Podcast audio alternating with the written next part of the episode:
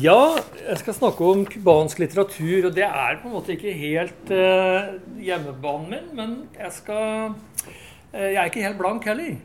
Det er sånn at uh, jeg har arbeida av og på i en tidligere fase av livet mitt gjennom en 15-20 år lang periode av og på i Latin-Amerika. Og Cuba er et land som gjør seg veldig gjeldende nesten uansett hvor du er i Latin-Amerika. Eh, et stykke på veien der, midt i denne her prosessen det, Jeg jobba som fotograf og skrivende fotograf egentlig for bistandsbransjen. Norad og UD og, og eh, Kirkens Nødhjelp og sånt. Så jeg må ha ei klokke her jeg, så jeg klarer å følge med litt på tida.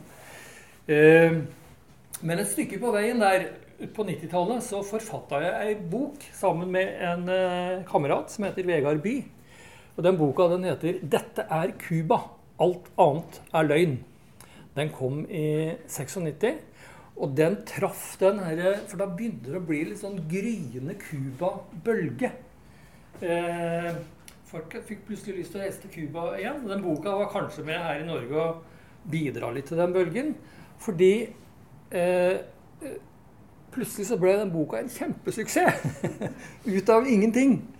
Eh, bortsett fra at det lå tre års arbeid da, i det der. der.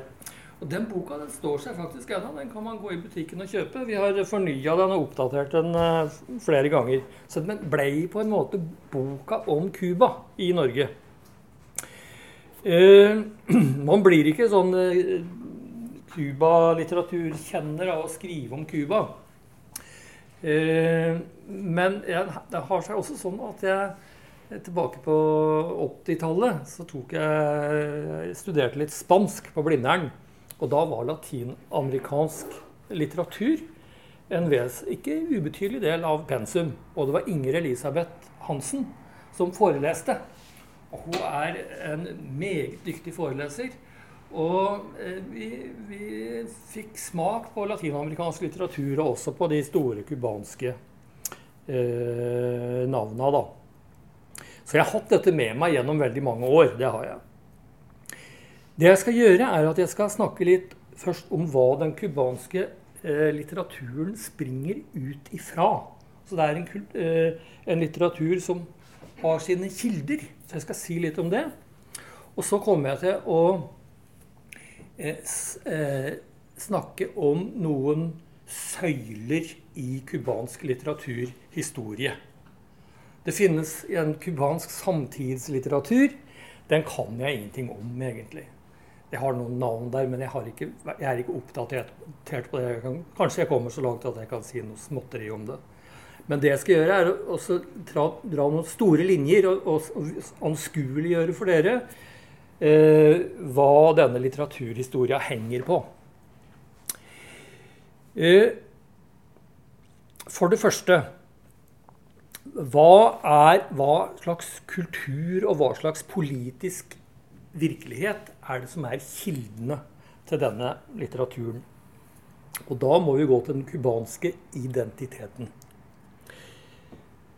Cuba, det er jo et det, Eller det cubanske samfunnet, det er jo på en måte noe som oppstår i møte mellom eh, spansk middelhavsk katolisisme på 1500-tallet, eller fra 1500-tallet av, og den importerte yoruba-kulturen fra eh, Vest-Afrika Sentral-Afrika.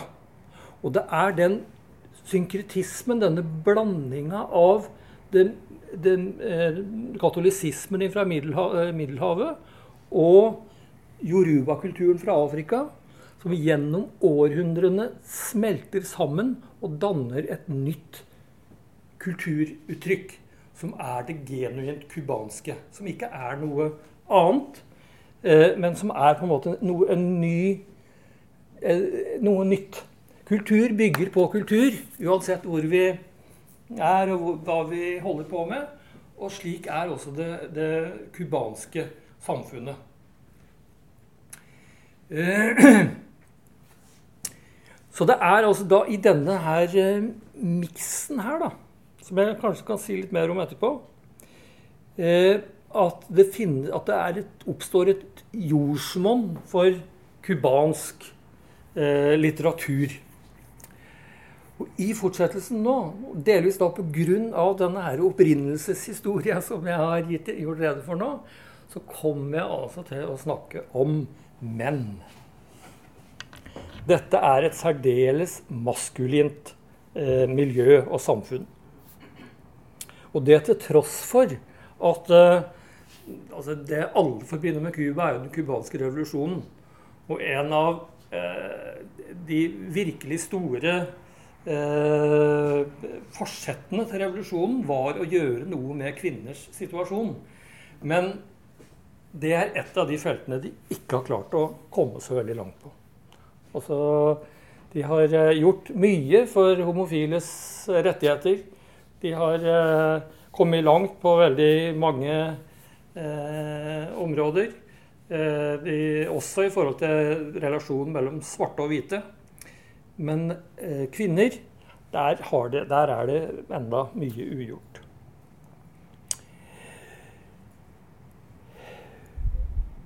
Vi forestiller oss at den store frigjøringshelten på Cuba heter Fidel Castro. Det, på en måte så gjør han det.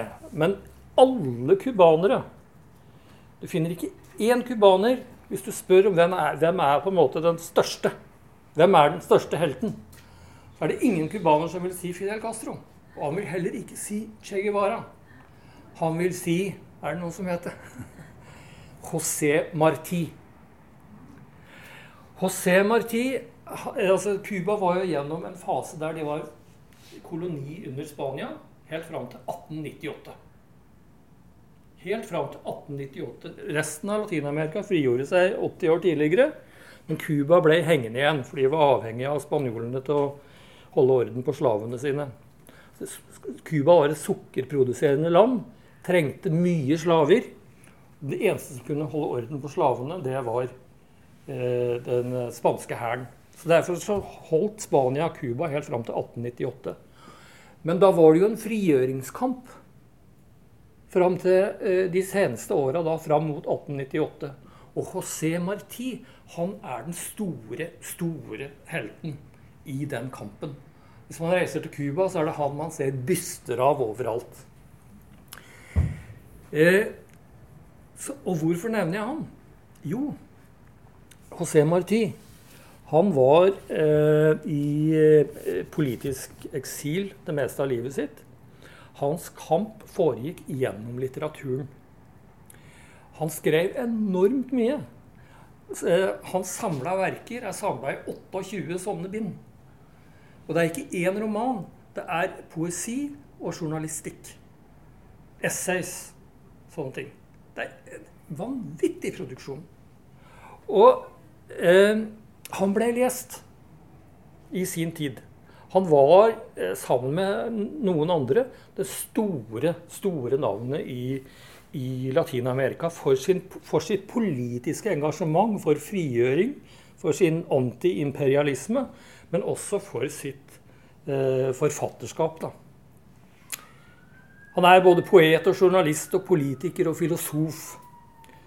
Men det var én ting han ikke var. og det var kriger. Fordi han, eh, han leda altså an i frigjøringskampen, men fra sitt eksil. Og når han i 1895 kommer til Cuba for å eh, også ta del i den militære eh, kampen på Cuba, så blir han skutt etter noen få dager. I første i første eh, konfrontasjonen som de har med spanjolene, så blir José Marti skutt. Og da er, jeg tror han er bare noen og 40 år. Maks 50 år. Og så er han ute av historia. Eh, han sa Ser culto es el único modo de ser libre. Altså eh, eh Det å, å eh, være Eh, opplyst er den eneste måten å være fri på. Og den setninga der, den kan enhver cubaner. Enhver barn kan den setninga. Og, og det er på en måte også blitt en del av den cubanske revolusjonens sjel, kan du si. Dette her med opplysning er veldig, veldig viktig. Skolering. Cuba er en veldig opplyst nasjon. Uh, hvis jeg skulle sammenligne José Marti med noe i Norge, på en måte, noe tilsvarende, så har vi ikke det. Men tanken går kanskje først til Henrik Wergeland. Det er liksom en litt sånn posisjon kan man tenke seg. Sprenglærd. Et nasjonalt ikon. Han sa også en annen ting som, som bor, eller som han har eierskap til. Da, det er jo denne veldig, veldig sterke Eh, motstanden mot USA. Det begynner ikke med Fidel Castro, det begynner egentlig med José Marti. Og han sa hvis amerikanerne kommer til oss, hvem skal sende dem hjem? og det fikk han jo helt rett i, for da de kom til Cuba i 1898, så var det ingen som kunne sende dem hjem før Fidel Castro gjorde det i 1959. Oi, oi, tida flyr.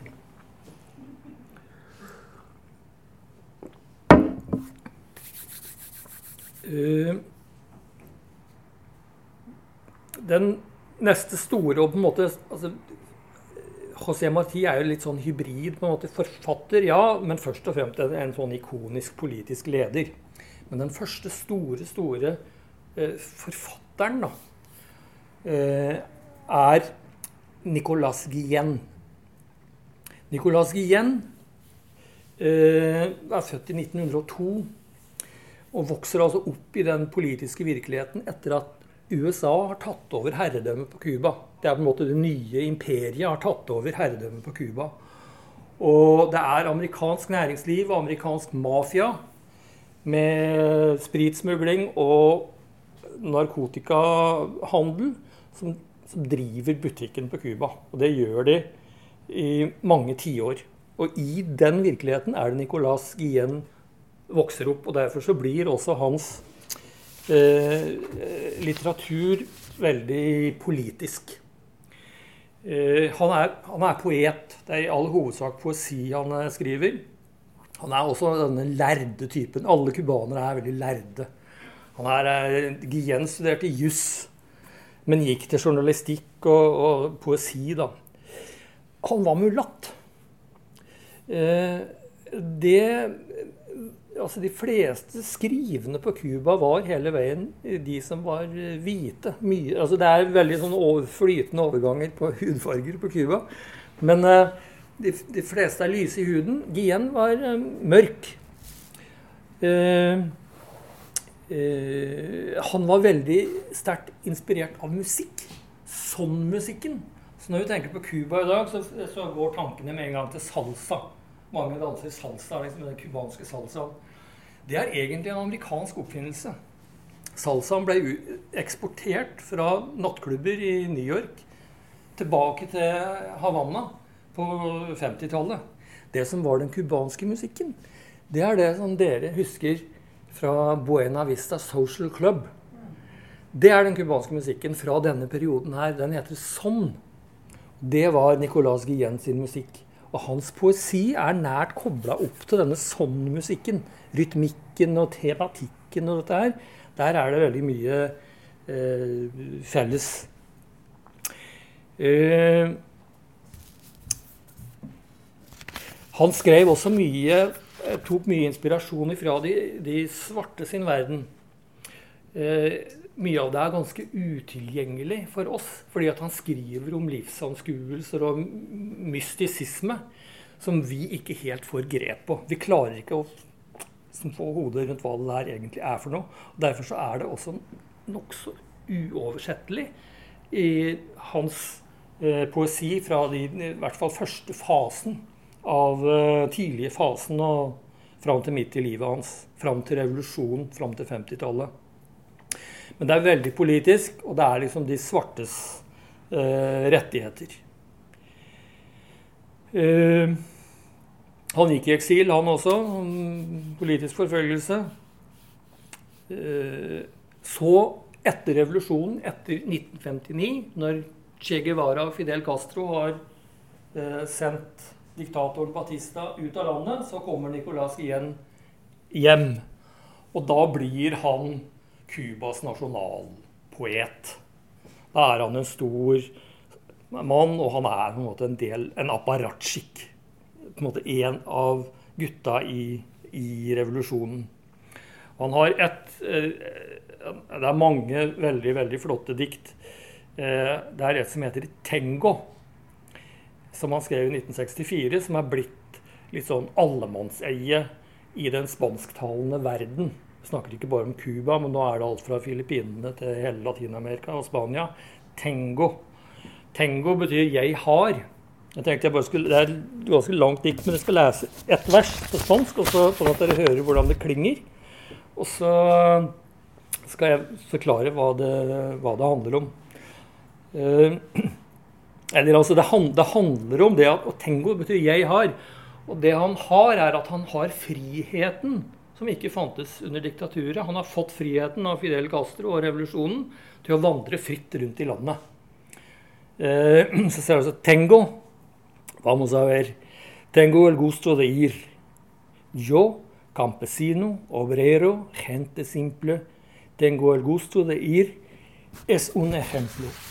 a un banco y hablar con el administrador, no en inglés, no en señor, sino decirle compañero, como se dice en español. Så det han sier her, det er 'Jeg har, skal vi se'. Det er litt sånn slentrende stil. Han går. Tengo, jeg har, skal vi se. Jeg har uh, muligheten til å gå.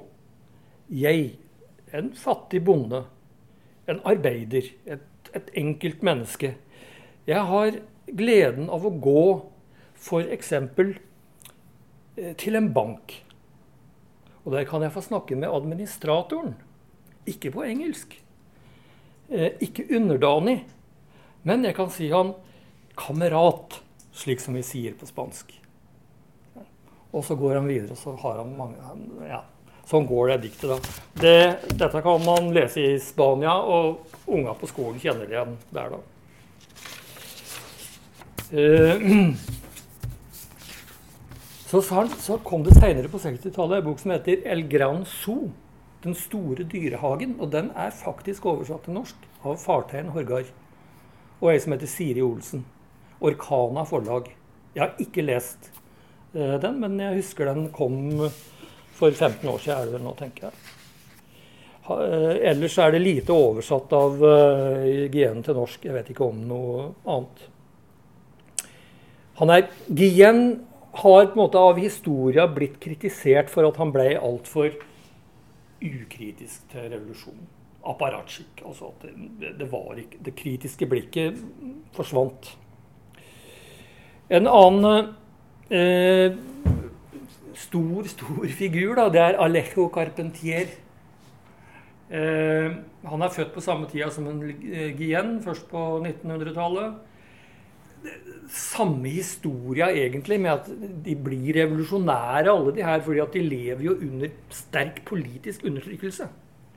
Så de, så de, er på en måte, de blir opposisjonelle. De er en, en opposisjonell intelligensia som skriver mot eh, mot dette diktaturet da, og mot den amerikanske imperialismen. Eh, de er liksom, alle de der, det er, jo, det er jo mange av dem, og de er sprenglærde. Veldig internasjonalt orienterte. Særlig, ja, særlig han Carpentier her, Alejo Carpentier. Veldig, veldig internasjonal. Frankofil. Bodde masse år i, i, i Frankrike. Mange latinamerikanske eh, forfattere er eh, ikke bare forfattere, de er også diplomater. De, de får diplomatiske jobber. De blir på en måte sånne kulturattachéer og ambassadører for den del rundt omkring i verden på vegne av sine latinamerikanske nasjoner. Og Carpentier var det også sånn han var i Frankrike, da. Eh, Carpentier altså, dere, dere kjenner til begrepet magisk realisme. Og da tenker dere med en gang på eh, Gabriel Garcia Marquez, som er fra Colombia. Som fikk nobelprisen med 100 års ensomhet og dette her. Gabriel Garcia Marquez han står på skuldrene til Alejo Carpentier. Det er egentlig Alejo Carpentiers univers, dette her med den magiske realismen. Det at, det, det at det, i Latin-Amerika så er det magiske realitet. Altså uten å beskrive det, det magiske som, som, fakt, som, faktisk, så blir, måte, så blir, det helt feil for en latinamerikaner. Dette er det Carpentier som utvikler på slutten av 40-tallet. Det kommer en bok som heter eh, eh, El Reino de este mundo. Rike av denne verden. Og den er oversatt. Den er å få tak i på norsk.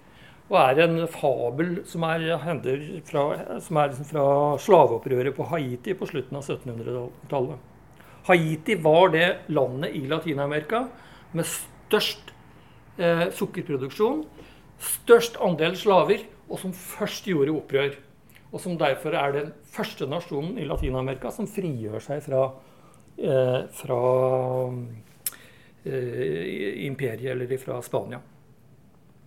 Eller det er ikke Spania, Frankrike, som var eh, makta der, da. Der fødes den magiske realismen i denne romanen. Så går han videre og gjør mange forskjellige ting. Det er En roman som kommer på 50-tallet, heter 'Los Pasos Perdidos'. 'De tapte skritt'. Den boka har jeg også lest, og den er fantastisk. Den eh, ble utgitt på norsk i 58 av Gyldendal i denne serien de hadde med oversatt litteratur på 50-60-tallet. 'De tapte skritt' det er en stor, stor roman. Eh, og veldig relevant i dag. Den handler om en eh, musikkforsker i en eller annen ikke navngitt vestlig by som reiser inn i jungelen i Amazonas på jakt etter urtonen. Det første eh, musikken eller lyden som beveger mennesket. Altså, han, han, er på jakt etter det opprinnelige. Og det har å gjøre med, med lede, som han føler i, i det moderne. Uh, han, er, han, skal på en måte jakte ned det, det, noe som er virkelig, noe som er til å leve for. Det er en kritikk av moderniteten. At vi har mista både musikken eller i det hele tatt det menneskelige ved oss. Så er det denne jakta. Og så finner han det, da. Jeg skal ikke røpe alt, for dere må lese den boka, for den er, det er virkelig eh, Men han finner det. Eh, men boka så, så skjer det litt mer.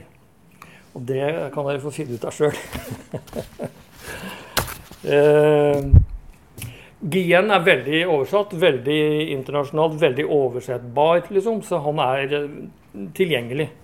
Inger Elisabeth Hansen igjen, hun har skrevet et veldig fint essay om akkurat den boka. Eh, 'De tapte skritt', i den essaysamlinga hennes som heter 'Blindsoner'. Eh, nå skal jeg straks gi meg, men det er en tredje skikkelse, som jeg vil, eller egentlig fjerde skikkelse, som jeg vil nevne, da, som er liksom de store, de største søylene. Og det er José Lezama Lima. Eh, han var født, er akkurat samme generasjon som de andre er, noen år yngre. Eh, en intellektuell lederskikkelse eh, også. Eh, og akkurat samme historia med liksom, forfølgelse, politisk forfølgelse og sånn og slik. Og blir en venn av revolusjonen når den endelig skjer. Men det er, når det er så viktig å, å nevne Gien, da, så, nei, unnskyld, Sama Lima, så er det for noe som skjer etter revolusjonen. Fordi både, både Guillen og Alejo Carpentier ble på en måte apparatskikk.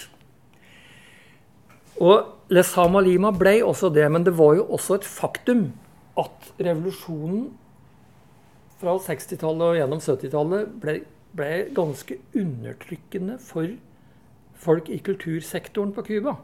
Det er en realitet.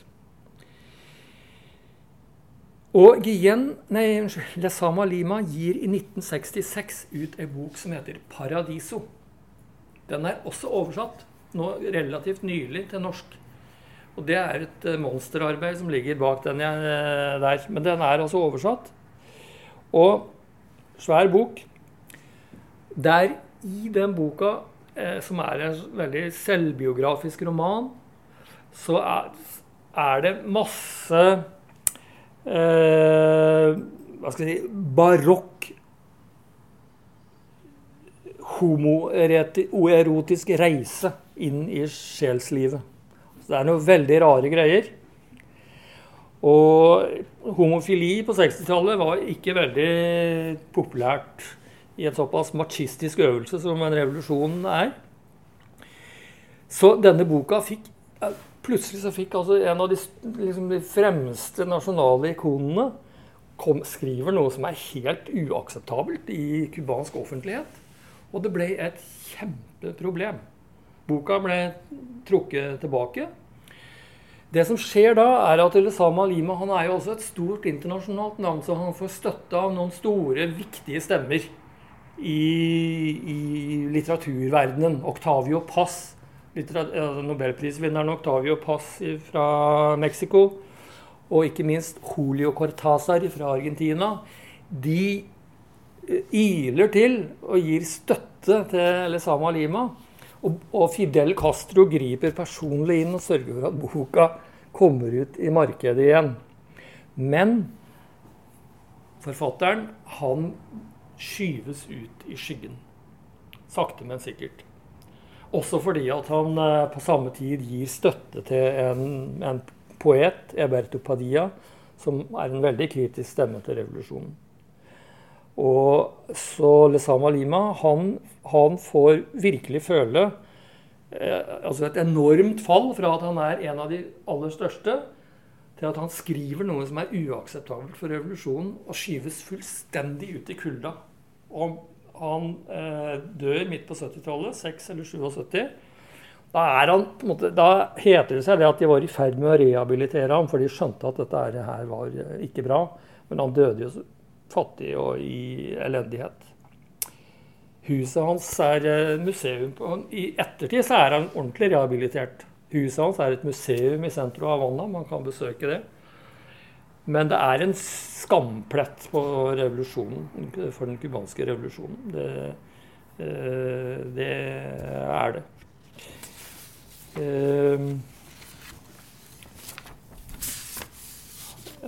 dette, det har sammenheng med at Cuba, Cuba Det er noe som man kaller for el quinquenio gris. Altså, det var fem år, fra rundt 1970 og fem år, der man skulle etterape sovjetisk sosialrealisme. Og alt annet var egentlig helt uh, uh, uakseptabelt. Og en mann som ble sammen, uh, altså en sånn, ja, en mann som ble sammen med Lima, han, han måtte lide for det. Alle som skriver på Cuba i dag, står på skuldrene til de, disse store forfatterne her. Jeg har ikke nevnt noen kvinner. Eh, altså, hadde, jeg vært, hadde, jeg vært, mer kunnskapsrik, så kunne jeg gjort det. Men jeg, jeg kan nevne én kvinne som ikke først og fremst er kjent som, eh, for sin litteratur, men hun skrev veldig godt. Men hun er mest kjent som etnograf. Hun het Lydia Cabrera og skrev eh, Hun forlot Cuba i 1960. Men hun skrev også om, eh, om den svarte kulturen. Og denne kulturmiksen. Og det er noen veldig sterke verk etter henne. El Monte er det mest kjente, altså Villnisse. Og eh, da hun forlot Cuba i 1960, så sa hun ingenting om hvorfor hun dro. Det var like etter revolusjonen. Eh, og hun uttalte seg heller aldri noensinne om hvorfor hun forlot landet. Da er det sånn at eh, de, Mange mener at hun gjorde det fordi hun var i opposisjon til den politiske omveltninga. Men det er en annen teori. Og Den går ut på det at hun skrev om disse lukka, svarte samfunna, brorskapene. Kan sammenlignes med frimurerlosjer. Og eh, særlig et av disse samfunnene de kalles for abakwa. Eh, de følte seg utlevert. At Lydia Cabrera utleverte deres hemmeligheter i offentligheten. Og at de derfor ville ta livet av henne. Og derfor måtte hun forlate Cuba. Det er en eh, teori som aldri er avkrefta. Da har jeg brukt min halvtime. Så, hvis det er noen som vil vite noe mer om cubansk litteratur, så må de lese bøker, tror jeg. Det finnes en hel del eh, eh, altså samtidslitteratur. Jeg har, jeg har lite greie på det. Men det er noen eh, også, Det er noe som heter 'Skitne Havanna'-trilogien, som kom på 90-tallet, som, som, var stor internasjonal suksess. Ganske ekkelt å lese, har jeg forstått. Men altså en slags sosial realisme, da. Og, og, så er det jo eh, Og så er det jo han som skriver krim. Uh, hva er det han heter igjen, da? Leonardo Padora. Han er også utgitt på norsk. Så det er, du, finner cubansk samtidslitteratur på norsk hvis du vil ha det. Han Padora er, den, han er det store navnet i dag, på en måte. Yes, da sier jeg takk for meg.